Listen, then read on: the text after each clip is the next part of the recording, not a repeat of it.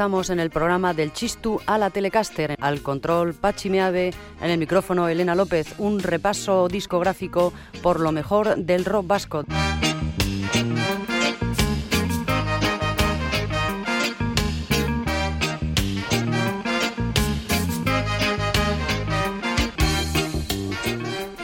Del Chistu a la Telecaster se encuentra en los albores de la década de los 90. En la edición anterior dábamos cuenta de algunas de las producciones de 1990, un año muy importante para el rock vasco. Escuchamos El Es da posible de Rupert Ordorica, cuarto álbum del de Oñate, editado por el sello madrileño Gasa y con producción del renacido Santi Ugarte.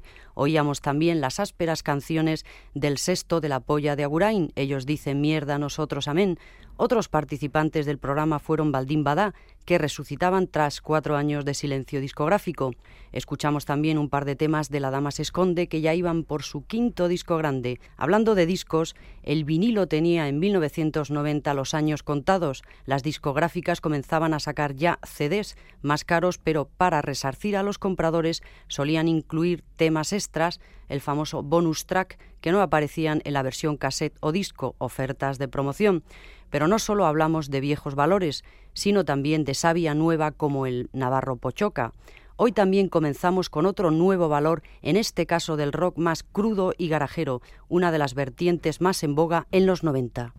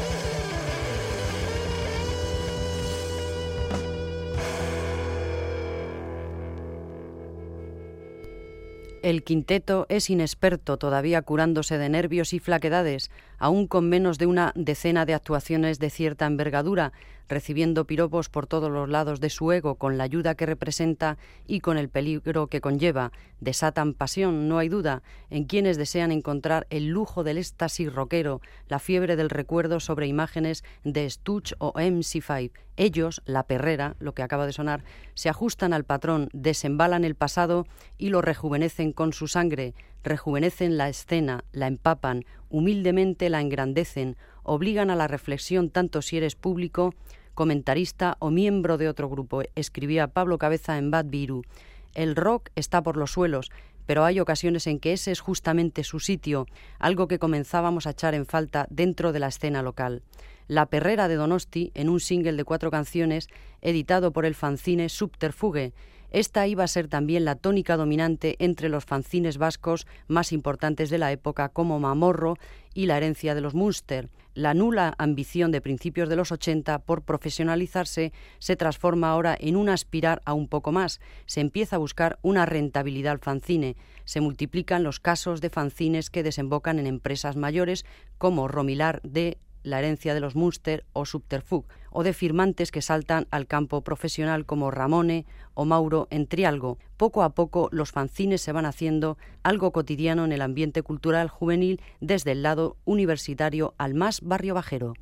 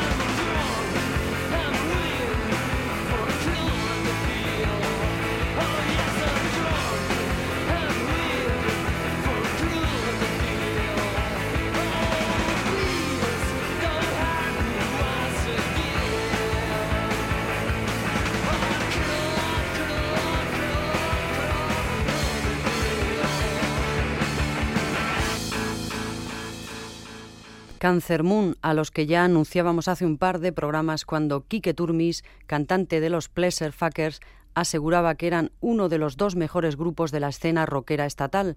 Cancer Moon, el resultado de la fusión de dos personalidades complementarias, la de John Zamarripa y la de José Choanitua.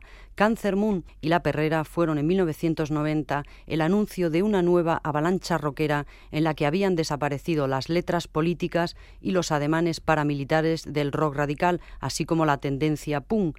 Estas nuevas formaciones se englobarían en la llamada escena indie, grupos que cantaban preferentemente en inglés y que miraban más atrás de 1977 escarbando en el rock progresivo de los 60, la Velvet Underground de los 70, Cream y Hendrix, y en el prepunk de Iggy Pop y los Stooges de Detroit. Eran grupos muy activos, muy heterogéneos, que huían en cierta forma del basquismo exacerbado anterior y que querían quitarse de encima la losa radical. Quizá por eso y ante la disyuntiva euskera-castellano, muchos optaron salomónicamente por la lengua materna del Urrit, pero el quinteto de Agurain por excelencia no pensaba de momento cambiar de idioma.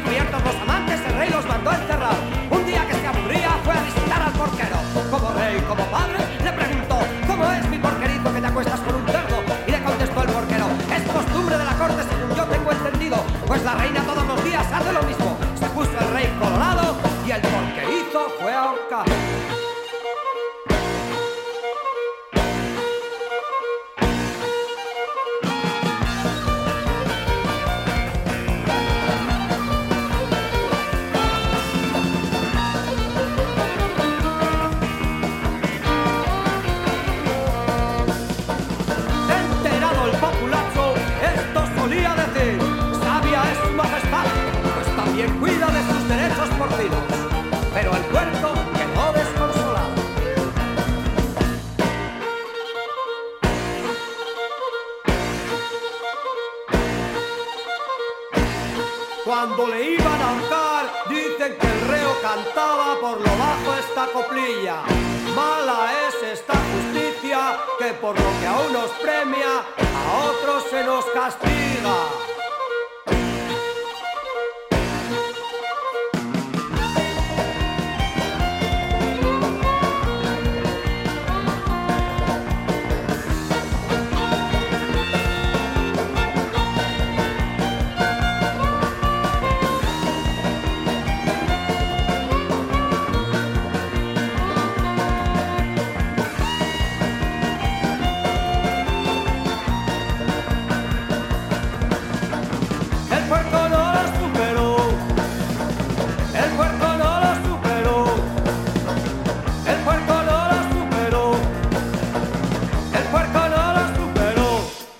Record hizo doblete en 1990 y además de Ellos dicen mierda, nosotros amén, publicó este otro disco, Los Jubilados, un disco en el que la banda de Salvatierra daba rienda suelta a sus canciones más atípicas.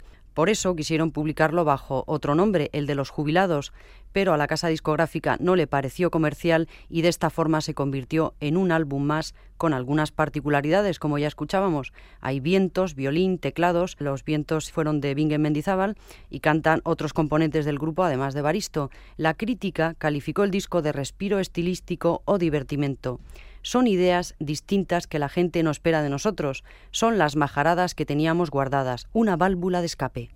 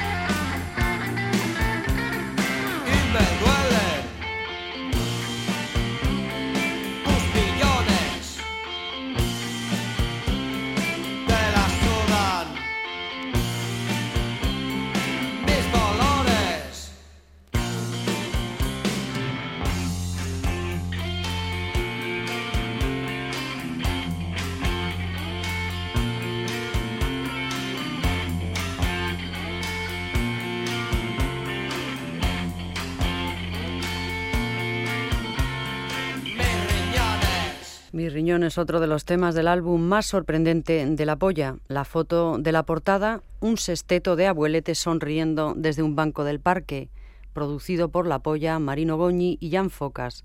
El librillo interior fue confeccionado por el dibujante de cómic Carlos Azagra, quien hizo de cada canción una historieta. Los pollos de Salvatierra habían estado el otoño anterior en la Ciudad de México, donde habían protagonizado tres llenos absolutos. La polla había sido quizá la primera banda vasca de rock en cruzar el charco, lo cual hubiera sido inconcebible unos años antes. Pero lo cierto era que las canciones directas y naturales de los pollos habían empezado a hacer mella también allende los mares, en México, Argentina, Chile o Uruguay.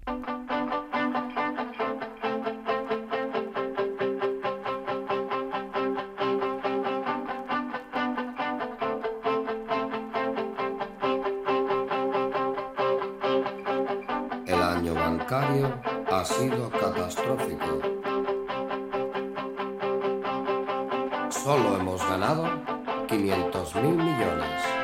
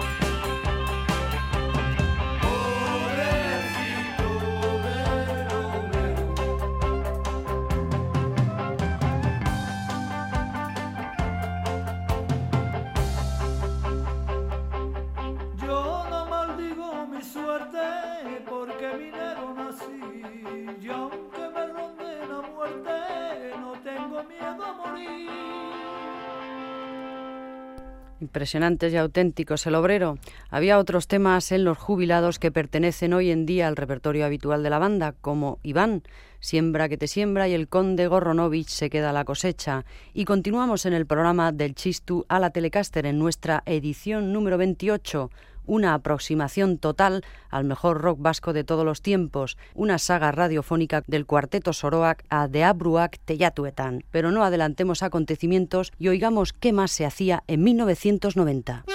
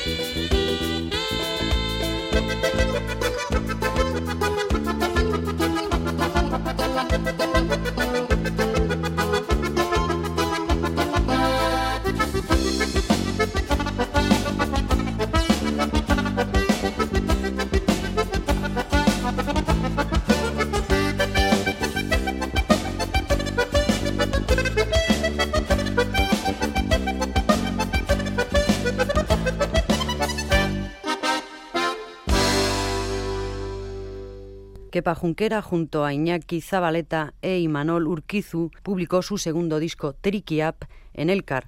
Kepa Junquera era uno de los máximos exponentes de la renovación de la triquitisa, pero esa labor revitalizadora que llevaba a cabo desde que había comenzado a tocar el acordeón diatónico a los 12 años le había valido la crítica del sector más tradicional, representado por la Chapelqueta anual de Donosti y a la que Junquera no se presentaba desde 1988 por no estar de acuerdo con su filosofía. Se me considera un revolucionario de la triquitisa, pero no porque yo lo haya dicho, sino que lo dice la gente que manda un poco en este mundo, que siempre ha criticado mis composiciones aduciendo que no eran triquitrisa.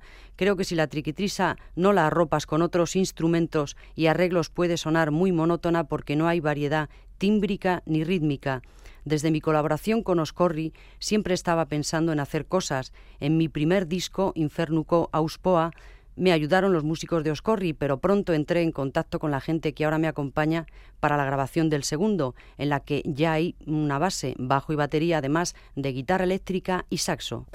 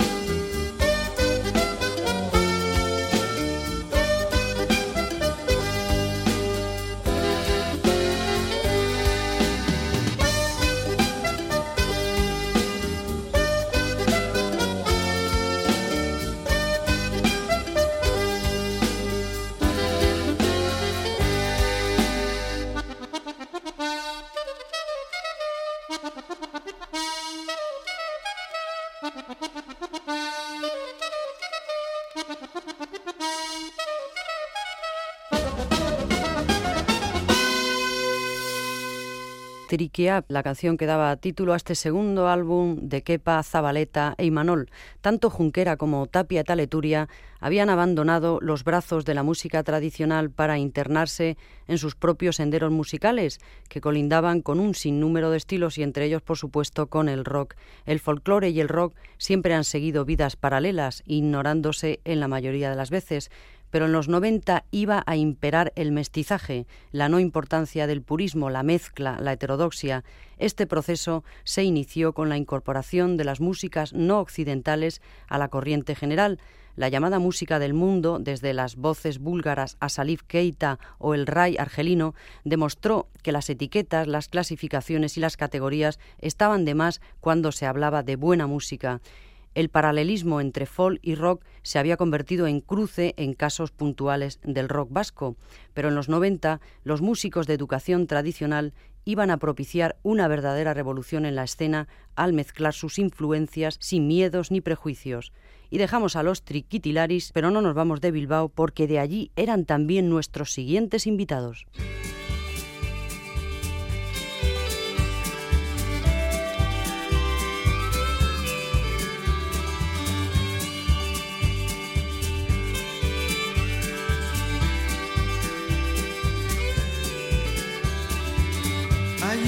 Cosa que no se olvida, se lleva junto al corazón bien escondida, marca de fuego sobre la piel, es la lección bien aprendida.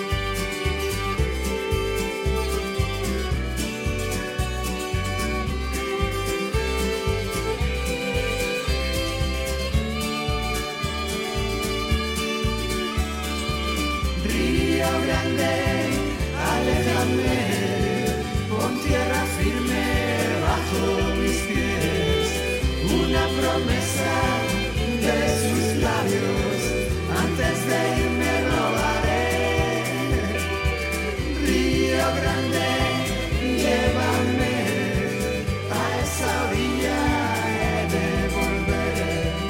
Donde los vasos no tienen fondo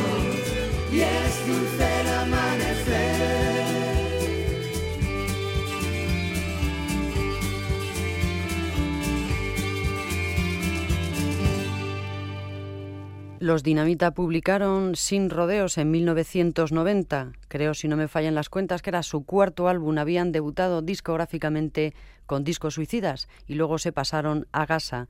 Hay gente que alucina cuando se entera de que somos de Bilbao, comentaban en la revista madrileña Boogie. Es un círculo vicioso, como nadie dice que somos vascos, los demás no se enteran y a su vez no lo dicen. En la época del rock radical vasco, nosotros y otros muchos grupos estábamos trabajando en el local de ensayo, mientras los que se habían apuntado tenían 60 galas al año financiadas por las instituciones. Yo no he visto nada tan institucional como el rock radical vasco, no solo a nivel rock, sino a todos los niveles. De haber alguien radical entonces, esos éramos nosotros y gente como Duncan Du o la Dama se esconde, que hacíamos lo que nos daba la gana sin pasar por el aro. Estábamos en una situación verdaderamente marginal.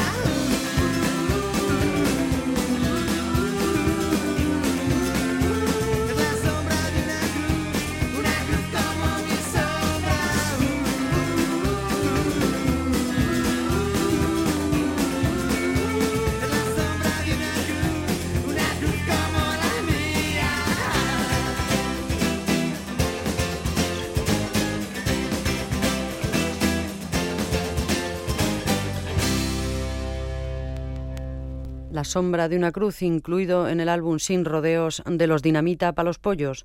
El 10 de febrero de 1990 es liberado Nelson Mandela.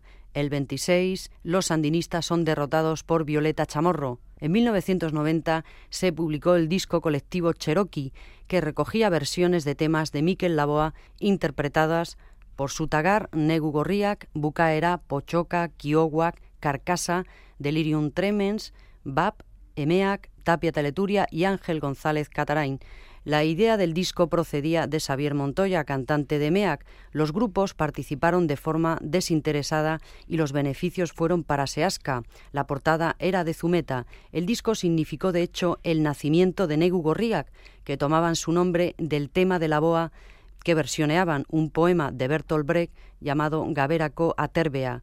El disco contiene, como buen homenaje a la boa, unos particulares lequeitios a cargo de Tapia y Leturia y de Ángel Catarain, que suponen quizá la parte más creativa del conjunto. Pero vamos a escuchar a Sutagar y su versión del Aikamutil. Aikamutil, yeikiadi, argiade, miradi, bainauzia goilarra kanpoan da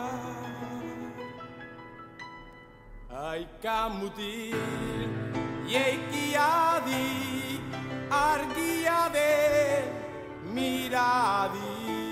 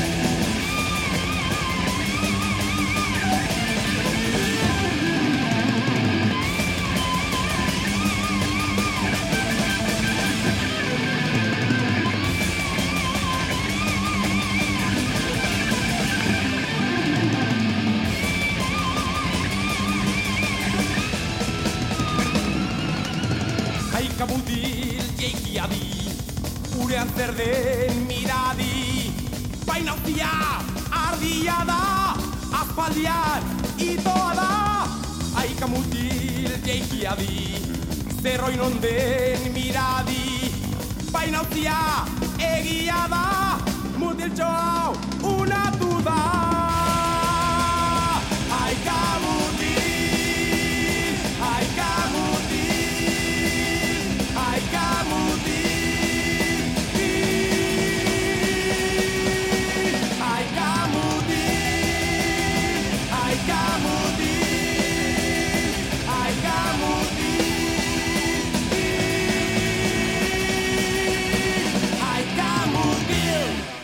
Sutagar, uno de los grupos básicos del rock vasco en los 90, de los que ya hablaremos largo y tendido, pero el verdadero sobresalto sonoro de este primer año de la década lo dieron Negu Gorriak, es decir, Fermín Muguruza, Íñigo Muguruza y Kaki Arcarazo. La disolución de Cortatu había tenido lugar en 1988. Tras la publicación del tercer disco en estudio, El Colpe Escolpe, y el doble en directo de despedidas en Guda Danza, donde la intervención de Kaki Arcarazo ya había sido vital. Oficialmente lo único que se sabía era que Fermín hacía su programa Igo Volumena en Eguinirratia, que Íñigo tocaba la guitarra con Delirium Tremens y que Kaki continuaba felizmente en IZ y en EMEAC, pues tanto el estudio como el grupo pasaban por su mejor momento. Pero de pronto...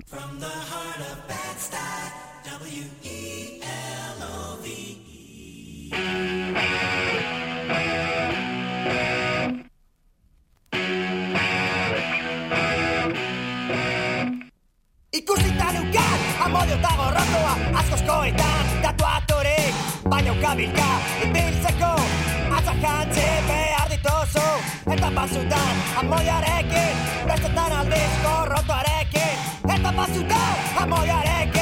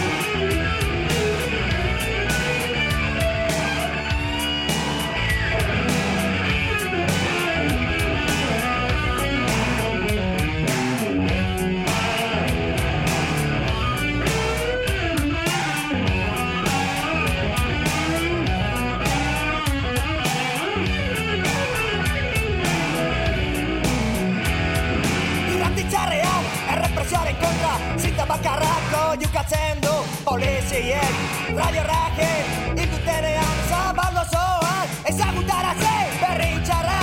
Radio Rake Hildutela eta pizzeria Kokuzkalitako horretan Martin eta Marko Azalduko dira horrelakoa da Bizitza Ekeitzazu behar duzuna Horrelakoa da Bizitza Ekeitzazu behar duzuna. Eta batzuta Amodiorekin Bostetan aldiz Korratuaren Amodioarekin Bestetan aldiz, gorrotoarekin